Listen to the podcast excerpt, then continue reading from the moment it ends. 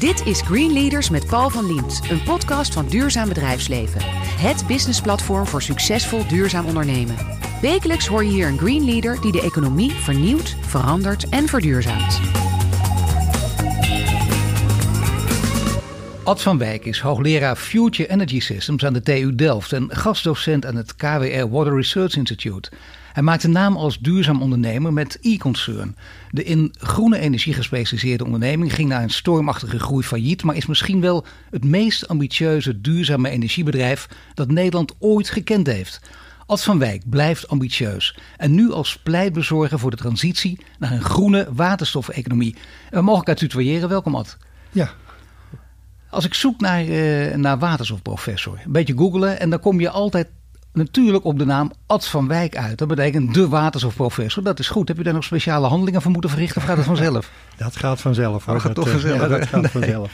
Ja, je verwacht tegenwoordig overal iets achter, maar dit Nee, gaat vanzelf. nee, op een gegeven moment eh, word je zo genoemd en dan eh, blijft dat bestaan. Ja. Ja, dan word je zo genoemd, maar ten onrechte of volkomen terecht omdat je er bijna fulltime mee bezig bent nu. Eh, nee, het is ook wel terecht. Kijk, ehm, ik ben natuurlijk Future Energy Systems. Het gaat ook over het duurzaam energiesysteem. En eh, waterstof gaat daar een belangrijke rol in spelen. Daar ben ik de afgelopen tijd eh, druk mee geweest. Maar uiteraard, elektriciteit is net zo belangrijk. En waterstof is overigens geen energiebron.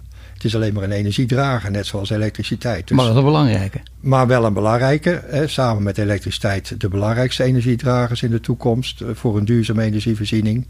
Eh, maar ja, het gaat net zo goed over waar maak je het van. Hè? Je moet het eh, niet van de fossiele brandstoffen uiteindelijk maken, maar van, de, van, van zon en wind. En dus gaat het net zo goed over zon- en windenergie natuurlijk. Natuurlijk, maar het is een belangrijke drager dus. En het gaat een steeds belangrijker drager worden. En mensen die midden in die wereld zitten, die zagen dat stapje voor stapje al aankomen. Maar voor een buitenstaander komt het dan opeens eh, als een donderslag bij heldere hemel bijna. Waterstof gaat ons redden. Wat is voor jou het moment dat je dacht, nou dit is wel een hele serieuze sleutel voor de energietransitie? Nou, ik werd eigenlijk gevraagd in, eh, in het noorden van Nederland, hè, waar de gasproductie eh, eh, ja, gaat stoppen. Inmiddels eh, weten we dat dat in 2022 eh, gaat gebeuren. Toen was dat in 2016 natuurlijk nog niet zo heel duidelijk dat het eh, ging stoppen. Maar toen was de vraag eigenlijk hè, van, ja, er werken zo'n direct en indirect zo'n 20.000 mensen in die gassector.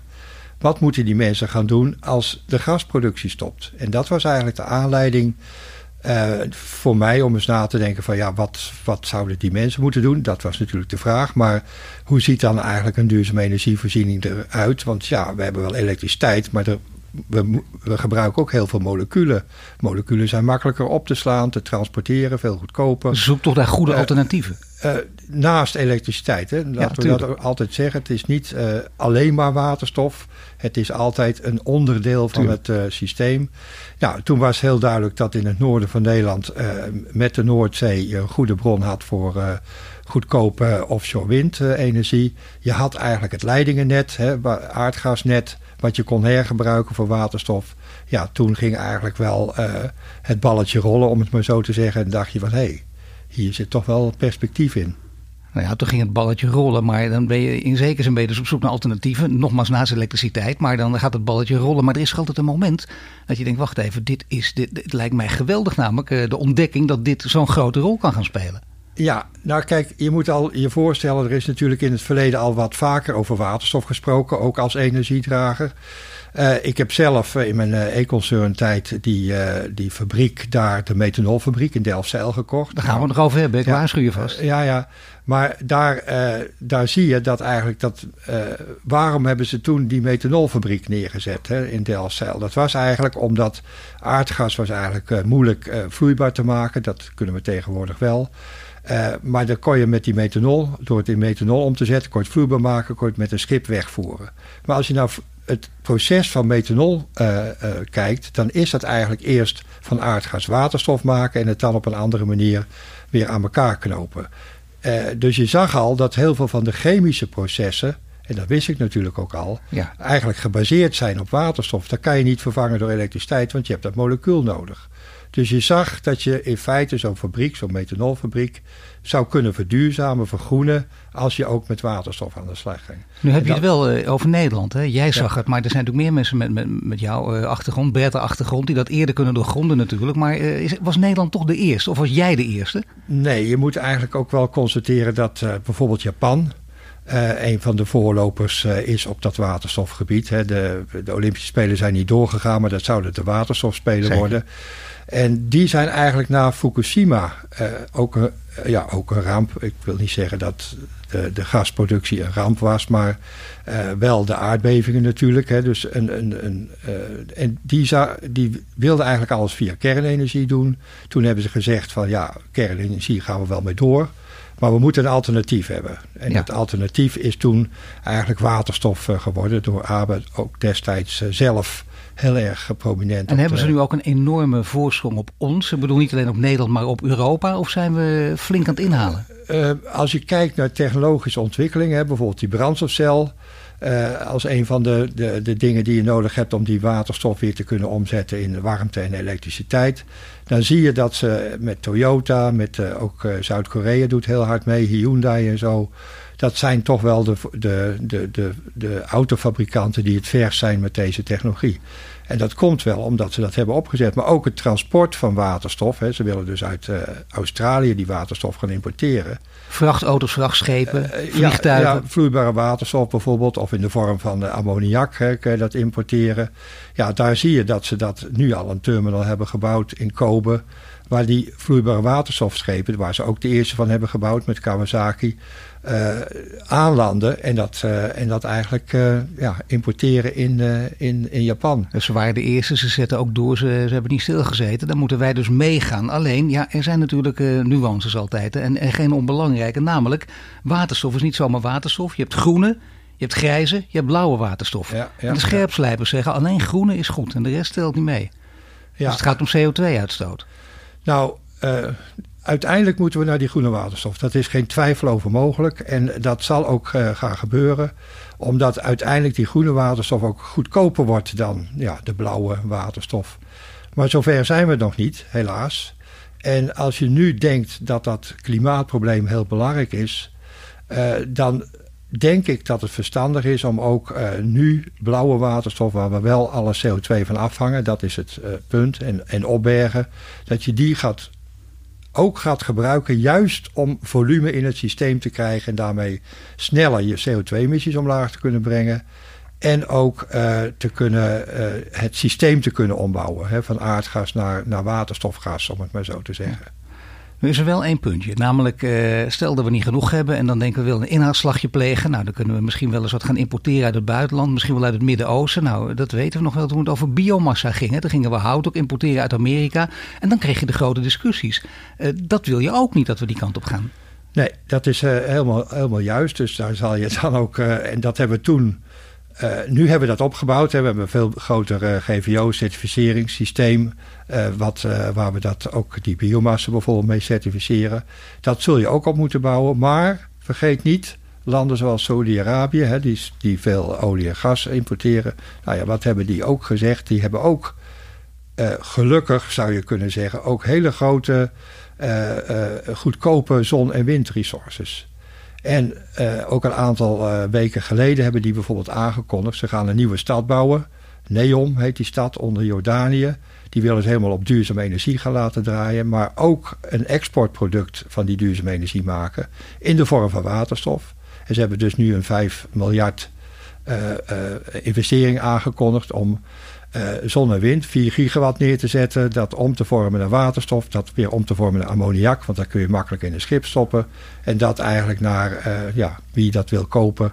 eh, Dus ga er maar vanuit dat wij in Europa dat ook gaan importeren. Dat gaan wij zeker importeren. ja. Maar dit wordt geen, dat kun je nu al zeggen. Hè? Want eh, bedoel, ja, we kunnen altijd op, op terugwijzen naar deze podcast als het niet waar is. Ja. Kun je dat nu al zeggen dat dit niet waterstof wordt, niet het nieuwe biomassa? Nee, omdat je dit maakt met zon en wind. En als, als zon en wind niet de nieuwe biomassa worden, dan wordt waterstof op die manier gemaakt ook niet de nieuwe biomassa. Nou, laten we dan even nu in de techniek gaan, gaan duiken. Als het aan de Europese Unie ligt, dan wordt waterstof een van de pijlers dus van de energievoorziening. En toen waren er mensen die juichten, want die hoorden dat de Europese Commissie die wil dat er in 2030 40 gigawatt aan elektrolysecapaciteit draait. Nou, even precies zeggen wat dat betekent, hè? want dat is nogal wat, maar uh, zonder context zegt het cijfer helemaal niet. Nee, 40 gigawatt, uh, daar kun je zo'n 4, 5 miljoen uh, ton waterstof mee maken. daar staat zelfs meer dan 40 gigawatt in dat plan, hè, want er staat nog een ander getal achter, dat is 10 miljoen ton. Nou, met 40 gigawatt maak je geen 10 miljoen ton waterstof. Daar heb je nog veel meer eigenlijk voor nodig. Uh, en uh, dat is ook maar een begin van zo'n proces. Hè? Want als we het echt hebben over de verduurzaming van, die, uh, van de energievoorziening, dan heb je veel meer nodig dan die 40 gigawatt. Dat, dat levert maar uiteindelijk maar een aantal procenten van je, van je totale energie die je nodig hebt in, in 2030. Dus we zullen dat nog echt factoren moeten opschalen. Maar ja, je moet je wel voorstellen, we zijn nu nog eigenlijk zo'n beetje op nul. Er zijn maar een paar kleine projecten die natuurlijk draaien in Nederland, in Duitsland. Kleine projecten in Nederland, maar één fabriekje, Veendam. Ja, ja, ja, dat klopt. dus, en er zijn natuurlijk wel ook in Nederland grootschalige projecten nu aangekondigd. Echt heel grootschalige projecten. Veel meer nog dan dat ik ooit dacht toen ik in 20, 2017 dat eerste rapport voor Noord-Nederland schreef. Is er natuurlijk nu al veel meer in beweging dan dat ik toen dacht dat dat mogelijk was. Normaal ben ik de optimist, maar dan zie je toch dat ik ingehaald ja. word door de, door de werkelijkheid. Nou, het moet nog wel gebeuren, allemaal, allemaal waar. Maar je ziet wel dat er nu een hele enorme uh, drive. Hè, Frans Timmermans heeft het ook uh, Harders and Rocks genoemd. Hè, van bedrijven die enorme investeringsprogramma's. Maar daar zijn we op een interessant punt, tuurlijk. Dat heeft hij genoemd. Dan heeft hij het over bedrijven, heeft hij het over de Europese ambities. Maar hoe zit het met de Nederlandse ambities? Op Prinsjesdag zullen we het gaan merken. Jij zit midden in die wereld. Ja. Ik weet er al iets van, maar jij weet er volgens mij ook wat van. Nou, er, er komt een uh, aankondiging op Prinsjesdag van het, uh, het, het, het uh, hoe heet het ook alweer, het Groeifonds. Dat was het voormalige Wiebes, Wopke Wiebesfonds. Ja. die gaan grootschalige programma's financieren. En zeer waarschijnlijk zal waterstof of het enige of een van de programma's zijn die daarin die, die gefinancierd wordt. Nou, dan gaat het om zeer waarschijnlijk om bedragen van 6, 7, 800 miljoen natuurlijk veel geld.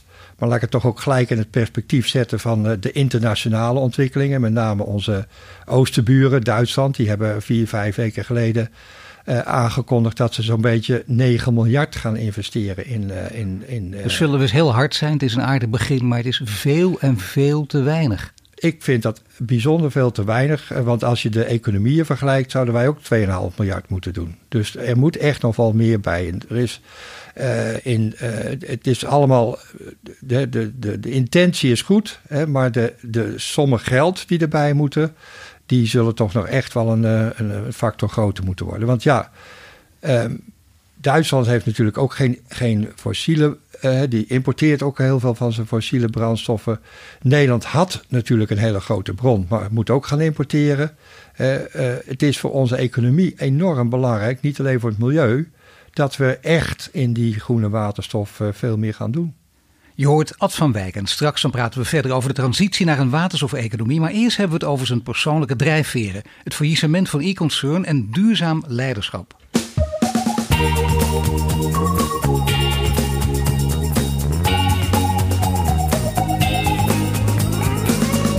Bij de studio staat Ad van Wijk. Net spraken we vooral over waterstof als sleutel voor de energietransitie. Nu praten we verder over het belang van leiderschap en de persoonlijke drijfveren van Ad van Wijk. Nou ja, je bent uh, een jongen die opgroeit, uh, die van alles wil uh, in het leven. En die meteen al wist, ik ga naar de TU in Delft, ik word waterstofprofessor. Of had je hele andere ambities toen je 13, 14, 15 was? Toen had ik deze ambities absoluut nog niet. Nee, toen zat ik op de, op de middelbare school en dan was je blij als je weer uh, gewoon uh, goede punten haalde. En, maar wat voor milieu kom je? Ik ben van, van boerenafkomst en mijn vader was eigenlijk een hele kleine, ja, vrij arme boer. dus het, het, is ook ja, bij toeval dat ik naar de middelbare school ben gegaan en niet naar de landbouwschool. En dat kwam omdat in die tijd nog de hoofdmeester, die kwam dus thuis en zei van ja, die jongen kan wel een beetje leren. Zou je hem toch niet naar de, naar de middelbare school gaan, gaan, gaan sturen? Ja, en zo ben ik geen boer geworden uiteindelijk, maar ja, sta ik nu bij jou. Nee, belangrijk. Het zijn vaak, ja, dat helemaal. Ja. Maar het zijn vaak natuurlijk van dit soort momenten die, die bepalend zijn in je leven ook. Je bent er doorgegaan, je bent interessant gaan vinden, maar dan moet je ook nog eh, bijvoorbeeld duurzaamheid gaan omarmen, een bepaalde studie interessant vinden. Wanneer was daar een bepaald moment voor jou aan te wijzen? Nou ja, op de middelbare school was ik eigenlijk wel eh, goed in de exacte vakken. Uh, dus ook daar was het weer zo dat uh, mijn natuurkundeleraar zei van... zou jij niet eens natuurkunde gaan doen? Dus je ziet toch dat ja, uh, je denkt vaak dat je zelf de keuzes maakt, maar uh, er zijn toch altijd personen in je leven die dat uh, ook mede vormgeven. Toen nou, ze moeten het serieus kunnen aanreiken, ja. ja dan, ja, dan kun je het overnemen. En ik ben natuurkunde gaan doen en dat was eigenlijk in de tijd, toen kregen we natuurlijk de discussie over kernenergie en we hadden de, de, de, de autoloze zondagen van de uil gehad, hè, de, de oliecrisis. En uh, nou, toen kregen we de brede maatschappelijke discussie over het energiebeleid, die in Nederland uh, toen ja. gevoerd werd.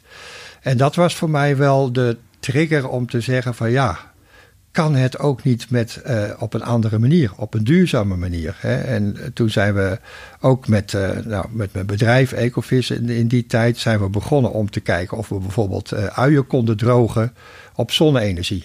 En dat deed je heel simpel door ja. met een boer mee te gaan en een, eh, een dak te timmeren. Hij moest toch een nieuwe schuur timmeren. En daar timmerde je dan een kanaal onder. Dat verfde je zwart. En dan werd de lucht eigenlijk uh, voorverwarmd. En dan had je veel minder gas nodig. Maar dat was in die tijd, uh, we praten er nu makkelijk over, maar dat was in die tijd echt uh, letterlijk ver de tijd vooruit. Toen werd daar veel minder over gesproken en veel minder mee geëxperimenteerd ook. Absoluut. Hè, dus, ja. dat, ik heb heel vaak in situaties gezeten dat mensen zeiden van nou Leuk, meneer Van Wijk, belt u ons niet, maar wij bellen u wel als we zover zijn. ja, en dat was nooit, een beetje gek geworden. Ja, ja dat was toen echt nog wel een alternatieve energie, zoals het genoemd werd. Hè? Nou ja, je werd ook meteen in een bepaalde hoek geduwd en zo. Hoe ging je daarmee om, met, met dit soort reacties? Want je bent ook niet helemaal gek en je denkt, ja, zo, zoveel mensen er sceptisch zijn. Misschien hebben zij gelijk en ik niet.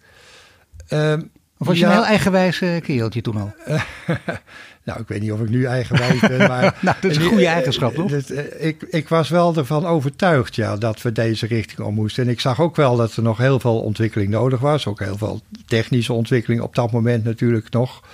Uh, voordat dat, eh, maar ik was wel overtuigd dat je met uh, iets wat, zonnepanelen bijvoorbeeld, iets wat niet draaide, waar geen hoge temperaturen aan te pas komen, dat dat uiteindelijk goedkoop moest kunnen zijn. Dat gaat ook over geld, dat is heel belangrijk namelijk. economische factor speelt ook een grote rol. speelde dat voor jou langzamerhand de grootste rol, of ben je meer iemand die door idealen gedreven is in het leven? ik denk dat ik toch echt wel door mijn idealen altijd gedreven ben. Hè. Ik bedoel, ik, ik vond en vind en dat is gevormd in die natuurkundetijd, zullen we zeggen. Dat we het echt wel met eh, de elementen moesten kunnen doen. Hè, dat die ook eh, voor onze energie eh, konden voorzien. Hè. Ik vertel dat nu nog vaak op colleges, maar ja. 8% van de Sahara vol met zonnepanelen en je hebt alle energie voor de hele wereld geproduceerd. Dus wat is eigenlijk ons probleem?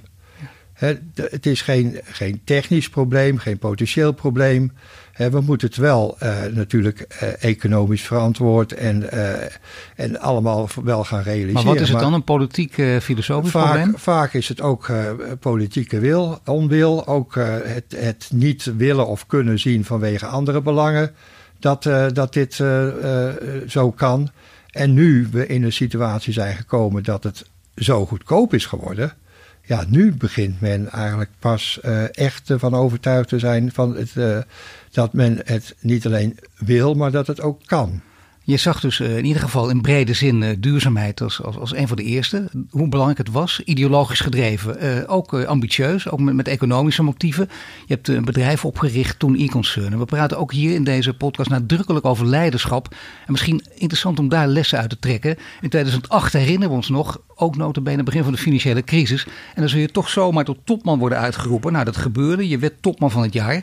En eh, 2009, eh, dat, dat riepen de Nederlandse managers, hè, die riepen jou daartoe uit. Een jaar later, eh, groei, snelle groei van e-concern. Maar ja, het bedrijf ging, ging failliet. Ja. En dat is een keiharde klap voor iedereen die het in het leven meemaakt. Maar ik ken ook heel veel mensen die zeggen, nou, ik gun het eigenlijk iedereen. Omdat je er heel veel van leert.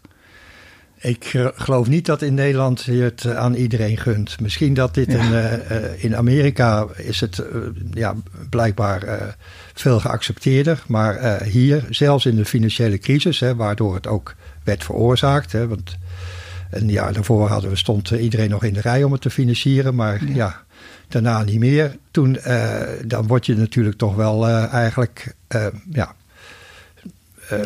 verguisd, hè, laten we het maar zo zeggen, door, uh, door heel veel mensen. En dat is. Uh, dat je verhuist door veel mensen in je omgeving? Of, of, zat er ook een mediasausje omheen? Dat je nee, even... nee, nee. Het is niet zozeer mijn, mijn persoonlijke omgeving, maar het is toch wel de, ja, de, de, de media, de, de, de, het omveld wat in feite zegt van hé, hey, nou ja, je hebt het verkeerd gedaan.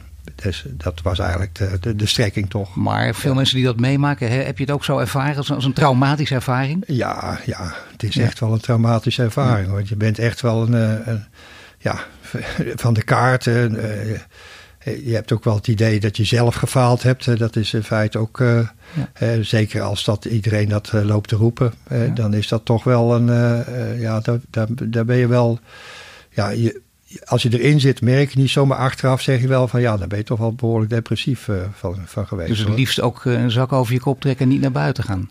De eerste tijd zeker. He, heb, je, heb je letterlijk ook toen uh, hulp gezocht? Uh, psychologen, psychiaters, mensen die, daar wordt vaak ook in Nederland ook zo moeilijk tegen aangekeken. Maar dat is natuurlijk logisch. Als je, als je een knieblessure hebt, ga je ook naar de arts. Ja, nee, dat heb ik niet gedaan. En dat, ja, ik, achteraf zeg je van dat had ik wel moeten doen. Ja, absoluut. Hè. Uh, maar ja, je zit blijkbaar in zo'n uh, ja, positie of zo'n ja, sfeer dat je dat helemaal niet kunt, kunt bedenken. Nee, het is nu zo lang geleden, maar ja. ik zie ook aan je gezicht, je manier van praten, het is nog steeds, een, het is nog steeds iets, iets ja, want je een, wordt een wond in je leven. Ja, zeker. Hè, dat is het ook. Hè. Ik had heel graag dat bedrijf verder groot gemaakt en je hebt nu ook de crisis maar toen was het natuurlijk, en nu hebben we het idee van we kunnen daaruit komen door ook meer te verduurzamen. Maar dat was toen eigenlijk helemaal niet uh, nog uh, de, de, de reactie. Hè. De, we waren nog niet zo ver. Hè. Het was nog niet zo goedkoop. Uh, hè, dus het was van, nou, we gaan weer gewoon, gewoon normaal doen. Hè. Een curator had het wel in, in de analyse over, over ja, het, het had te maken toch met te groot te willen worden, te grote broek aantrekken, te snel, te veel overnames met bankkredieten. En, ja, en zeker in die tijd, daar gaat het fout. Ja, nou, ik bedoel, daar laat ik daar maar niet al te veel over zeggen. Maar in, in die tijd, er zijn vele bedrijven geweest, hè, ook in, in, in, in, in China, in, in Duitsland, die wel natuurlijk, die nog sneller groeiden dan wij. En die het wel hebben gered. Ja. En één ding daarvan, kijk bijvoorbeeld in Duitsland kregen, kregen bedrijven dan uh, uh, van de staat een bankgarantie. Hè? Dus, maar ja, dat deed Nederland niet. Ja, dan is het ook snel afgelopen. Dan wat, kan je wat, natuurlijk... wat, zijn, wat zijn toch lessen die, die je wel getrokken hebt? Want, want ik merk nou dat je ja. denkt, nou die curator, dat is ook, dat had je dus die, die zat ernaast, want die, die onderschat het risico dat je nou, behoort ja, nemen. Kijk, die curator heeft op dat moment een bepaalde belang, ook positie. Hè, dus laten we, ik begrijp dat echt wel, hè, waarom die zo'n beeld nee, probeert tuurlijk. te schetsen. Uh, maar dat is toch niet het beeld wat, wat ik had en wat er uh, daarvoor eigenlijk aan de hand was. Het was een gigantische klap natuurlijk. Hè. Dus alle financiële ja, banken hebben op een, uh, zijn geholpen door de staat. En nou, maar dit was een klap voor iedereen, voor jezelf, maar ja. ook voor alle leveranciers die ja, betaald ja, kregen. Dus het, normaal het, kon je wel onderhandelingen doen met banken of andere dingen. Maar, en dan is de vraag van had ik, die, had ik dat voorzien of hadden we dat voorzien? Nou, dat had ik dus niet voorzien. En daar kan je van zeggen, well, ja, dat is stom achteraf. Maar ja, als je dat niet voorziet, dat er, dat er zo'n uh, hele aardschok aankomt. Bijvoorbeeld wel de clausules over de energieprijsontwikkeling. En als die onder een bepaald uh, niveau zou zakken, uh, wat je dacht dat nooit zou gebeuren, dan kon je dat contract onder ontbinden. Nou, dat gebeurde dus wel. Dat is, dat is ja. een voorbeeld. Wat, wat, wat zeg jij, dat bedoel ik met lessen. Wat zeg je bijvoorbeeld tegen misschien wel collega's die, die in vertrouwen met je praten. Zeggen, Ad, we zien wat je allemaal gepresteerd hebt. Hier is wat misgegaan. Maar leg me eens uit uh, wat, wat je niet meer zal doen of anders zal doen. Of wat zeg je tegen studenten bijvoorbeeld met vergelijkbare ambities? Um, ik, zou nog steeds zeggen van je moet echt wel... Uh, kijk, als je in, een vergelijkbare ambitie hebt en een groot bedrijf wil maken... en dan moet je sowieso niet alleen in Nederland actief willen zijn... want dan heb je te weinig markt om dit soort dingen te kunnen doen. En dat betekent groeien. Dat betekent dat je van anderen kapitaal moet uh, krijgen. Dat is niet zoals in, in Amerika dat je dat kapitaal aan, bij, de, bij de beurs aantrekt, hè, dus publiek. Maar ja, dat is vaak hier van privépartijen uh, en van banken. Zijn we afhankelijk van banken? Kunnen we niet beter kiezen voor institutionele beleggers, pensioenfondsen? Ja, maar die beleggen wel weer vrij uh, uh, solide. Alhoewel ja. wij die op dat moment ook uh, in een fonds hadden voor, de, voor, voor offshore windinvesteringen. maar laten we dan zeggen, wat je anders zou doen nu, dat is ja. gewoon zorgen dat je weet dat je gaat opschalen. Kijk naar andere manieren van, van, van, van, en met ja. name internationaal. Ja, en ook internationaal en gaat dat ook veel sneller doen. Uh, ik denk dat het uh, heel goed is om, om, om veel breder te kijken dan naar het Nederlandse, Nederlandse financiële wereld. En natuurlijk, hè, laten we zo zeggen, achteraf en ook als je dat analyseert, dan zeg je van ja, misschien had ik ook wel wat andere mensen moeten aanstellen al in dat proces hè, om die groei te kunnen managen. Ik, ik, ik, zie mezelf niet als een manager. Ik zie mezelf meer als een uh, entrepreneur. Ja, als een ondernemer, een, ja. een visionair die probeert uh, de mensen mee te krijgen en enthousiast ook in zijn bedrijf. Om zo eigenlijk dat bedrijf verder op te bouwen. Maar manager, iemand die goed ziet in de zin van een manager ziet op welke plekken hoort wie thuis. Ja, precies. Hè, dat, dat, is belangrijk. Dat had er misschien uh, achteraf eerder bij gemoeten. Aan het woord is Ad van Wijk. En net spraken we over zijn drijfveer, over leiderschap. En straks praten we verder over de energietransitie.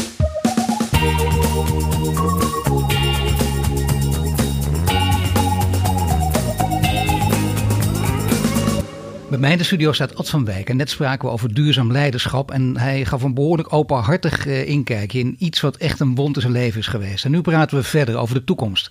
Want de Nederlandse regering heeft dus een visie uitgebracht om speel te worden, ik citeer het even zoals ze het zelf gezegd hebben, speel te worden in de nieuwe internationale waterstofeconomie. Maar ja, op dit moment dus, ik noem het al, er staat maar één waterstoffabriekje. Uh, we kijken naar Japan, Japan de grote voorloper. We kijken naar Europa, je hebt al Duitsland genoemd. Wat zijn goede stappen die Nederland zou kunnen zetten? Want het lijkt er allemaal wel aardig uit te zien met die, met die 700 miljoen. En kijk eens even, Wopke Wiebes Fonds, we doen nog wat. Uh, maar, maar aan de andere kant, nee, echt stevig investeren. Het lijkt alsof je niet durft te kiezen. Wat er tijdens het Delta-werken volgens critici wel deden. De Goudense Grasbeeld deden we het wel, ja. maar nu doen we dat niet. Hoe komt dat? Ja, dat, dat, is een vraag die ik heel moeilijk kan beantwoorden. Maar misschien wel over uh, wat we zouden moeten doen. Kijk, uh, we zitten nu in de situatie dat uh, financieel de, de, rente is bijna nul. Overheden kunnen voor, voor nul lenen. Dat hebben ze ook wel gezien door dat groeifonds natuurlijk in te stellen. Maar ik vind dat we dat veel grootschaliger moeten doen. En dat we ook nu als overheden, net zoals we dat eigenlijk aan het begin van de energie voorzien, bijvoorbeeld de elektriciteitscentrales, daar hebben de overheden in geïnvesteerd. Dat moeten we nu ook weer doen in de, in de electrolyzers. Eventueel samen met bedrijven, maar we moeten gewoon weer onze eigen uh, ja, assets, zou je kunnen zeggen, opbouwen. Maar dat gaat en, toch, je zou bijna zeggen vanzelf. Iedereen kijkt toch ook naar Amerika, wat Jeremy Powell, de voorzitter van de Fed, uh, centrale stelsel van Bank in Amerika, wat die gedaan heeft, die, die, die echt tegen alle regels in heeft gezegd, we gaan de komende jaren gaan we die rente laag houden. Dus nou, dan, dan ja. weet je waar je aan toe bent.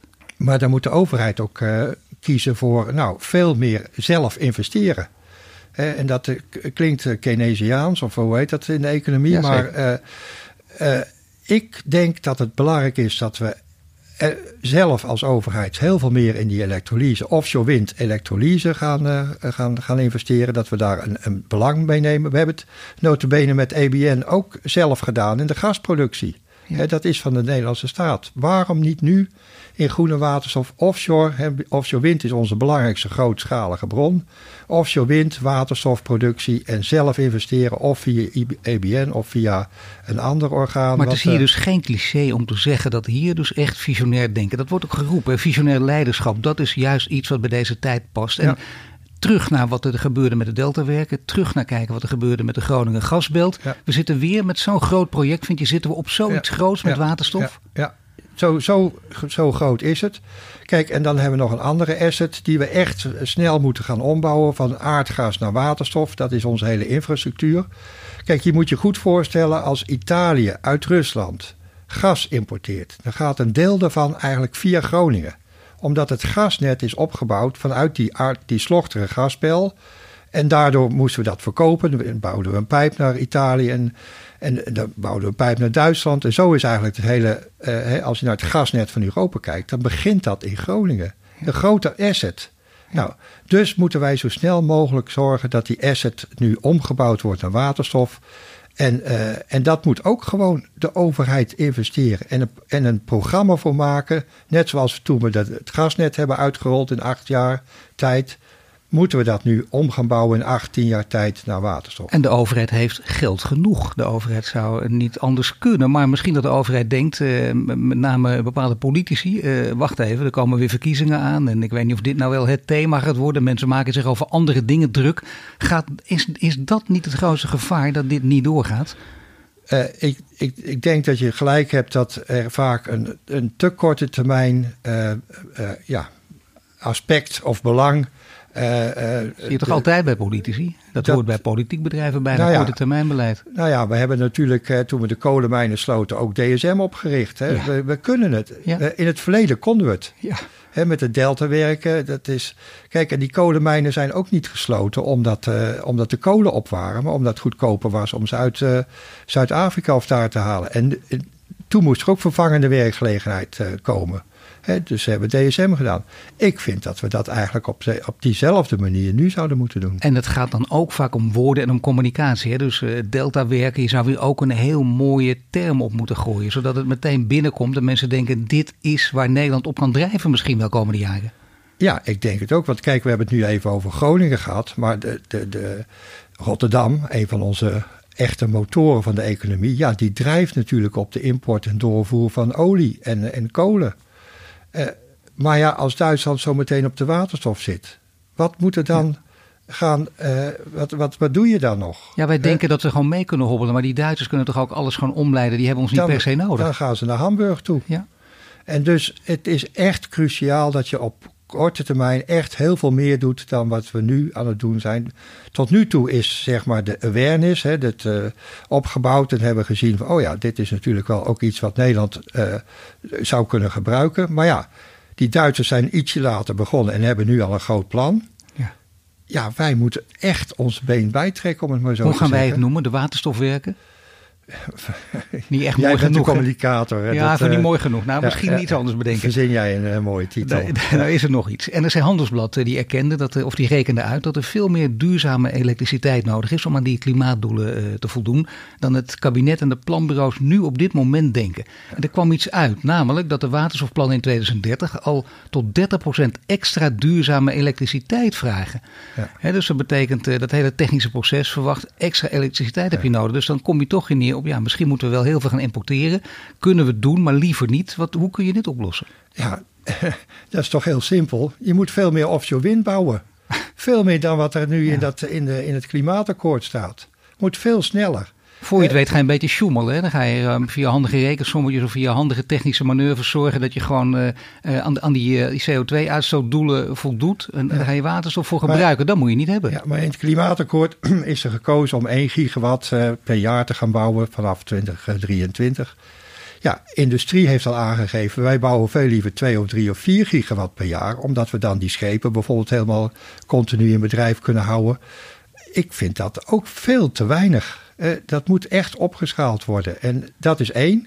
En ten tweede, ja, we moeten inderdaad ook veel meer gaan importeren. Dat uh, niet alleen voor ons eigen gebruik, maar ook voor die functie die we al uh, jaar en dag hebben in Rotterdam en ook via Groningen met het gas. Om te kunnen doorvoeren, om het te kunnen bewerken, hè, waar wij veel geld aan verdienen. En het te kunnen doorvoeren. En dat moet echt de komende paar jaren substantieel veel meer gaan worden. Maar ja, het moeilijkste verhaal blijft dus inderdaad toch uh, het visionaire denken. Want uh, die groene waterstof uh, die is nog niet concurrerend en dat zal nog even duren. En dat vergt dus van mensen lef, ambitie, vooruit durven kijken, maar ook vooruit kunnen kijken. En daar is ons brein niet op ingesteld groene waterstof is uh, prima concurrerend te maken in een vijf tot tien jaar tijd met uh, blauwe waterstof, hè, waarbij je dan de CO2 afvangt. Het gaat dus om waar geen CO2 moet vrijkomen, echt naar een groene waterstof-economie, ja, ja. dat willen we. Ja, en dat is concurrerend te maken. We, zijn, we zitten helemaal niet zo ver. Kijk, de belangrijkste prijs, hè, de, de belangrijkste kostenfactor is de elektriciteitsprijs. Dus dat betekent dat je veel meer offshore wind moet gaan bouwen, waarbij de prijs omlaag gaat. Ja. Eh, die die eh, prijs van de, van de installaties, van die electrolyzers, die heeft ook al een beperkte, maar die heeft maar een beperkte rol in dat geheel. Een beperkte kostprijsfunctie. Die moet ook wel omlaag, hè, maar door massaproductie krijg je dat omlaag.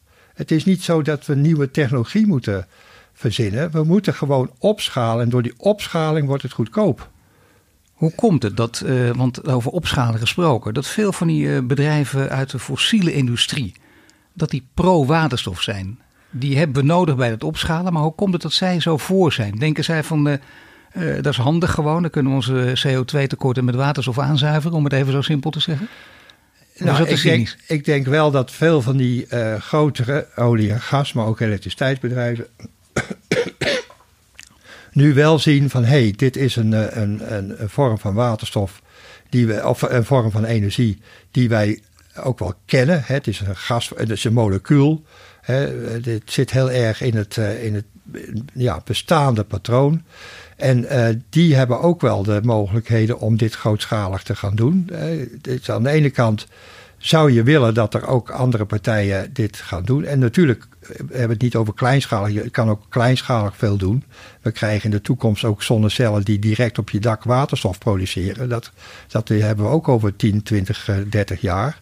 Maar grootschalig is wel van belang om die CO2-emissies zo snel mogelijk naar beneden te brengen. En dat is toch echt ons grote probleem. dus daar moeten we ook aan, aan werken. En dan, maar hoe doen we dat? door ook grootschalige projecten en veel grootschaliger dan dat we nu gewend zijn. Kijk, nu bouwen we een 1 gigawatt of 700 megawatt elektriciteitspark in de Noordzee. En daar doen we een kabel aan. Maar als je naar gasproductie kijkt of als je naar waterstofproductie kijkt, dan gaat het niet over 1 gigawatt, dan gaat het over 10 gigawatt. En dan doe je één pijplijn aan. En dat is dan veel goedkoper. En daardoor gaat die prijs omlaag. En daardoor kunnen we veel sneller. Maar als je het allemaal maar met, met ja, mondjesmaat hè, uh, wat gaat doen. Nee, je moet uh, nu een uh, windwaterstoftender uitzetten van 10 gigawatt.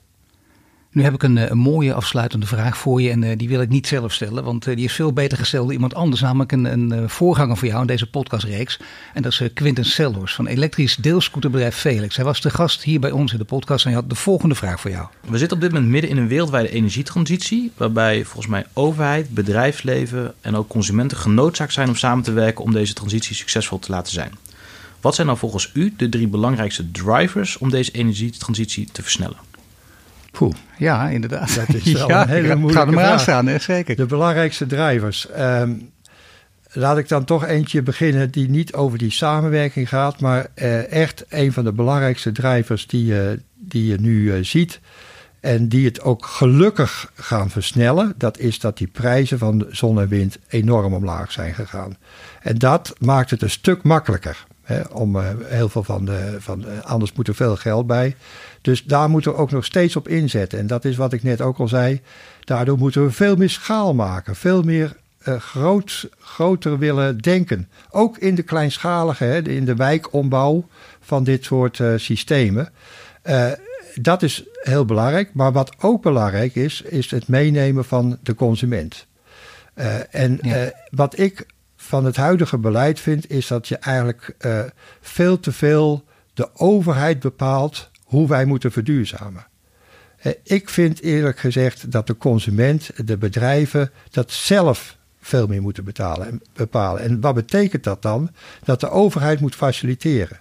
En wat moet de overheid dan faciliteren? Nou, dat de infrastructuur, zowel aan de elektriciteitskant en de omgebouwde aardgas-waterstofkant, dat die er is. En dat die naar alle woningen gaat die uh, nu bestaan. De nieuwbouwwoningen kan je nog over twijfelen. Maar de overheid moet dat faciliteren en dan kiest de consument zelf of hij dat met een elektrische warmtepomp wil doen, of met een waterstofketel, of met een hybride oplossing, of met een brandstofcel. Er wordt te veel uh, eigenlijk door uh, de overheid nu bepaald hoe wij moeten gaan opereren. En dat zou eigenlijk anders moeten. Dat is denk ik een heel belangrijke dan haal je net wel betalen en bepalen door elkaar. Maar daar bedoel je toch niet mee dat het uh, in je achteraf wel degelijk speelt dat uiteindelijk de consument en de bedrijven veel meer zullen gaan betalen. Dat is niet het geval. Uiteindelijk als, als de overheid uh, rigide dit soort keuzes bepaalt, dan zal die consument uiteindelijk meer gaan betalen dan wat nodig is. Ja. Veel meer?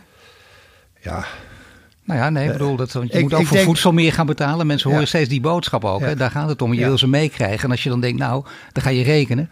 En dan wordt het wel echt, eh, dan moet je twee keer zoveel gaan verdienen. Nou, ik denk ook weer niet dat het eh, echt twee keer zoveel wordt. Hè. Laten we dat ook voorop stellen. Maar ik denk wel dat het meer is als je dan wanneer je daar veel meer die keuzevrijheid bij de, bij de burger laat. En, en dus infrastructuur belangrijk, je bronnen zijn belangrijk. Hè, mensen zeggen dan er is eh, te weinig waterstof om dat te kunnen. Nee, er is, als, je, als je het organiseert, is er voldoende waterstof. En groene waterstof zeg je al, uiteindelijk gaan we daarheen. En dat is wel ook dan een van de allerbelangrijkste dragers. We kunnen voor een duurzame toekomst ook niet zonder. We kunnen niet zonder. We kunnen niet zonder. In Nederland zijn we te klein om alles zelf te eh, produceren. Eh, en als we dat zouden willen, dan zou het enorm duur worden. Nee, we hebben import van waterstof nodig. En we hebben waterstof nodig als energiedrager. om allerlei functies goed te kunnen vervullen. Ik Duurzaam. dank, ik dank je wel. Waterstofprofessor Ad van Wijk. En je luistert naar een podcast van Duurzaam Bedrijfsleven. Mede mogelijk gemaakt door onze partners Ebbingen en Hill en Knowlton. Volgende week zijn we terug met een nieuwe Green Leader. Dit was de Green Leaders podcast voor deze week. Volg onze website voor meer nieuws over succesvol duurzaam ondernemen. Wil je meer afleveringen luisteren? Abonneer je dan nu via iTunes of Spotify en krijg een melding wanneer er een nieuwe podcast online staat.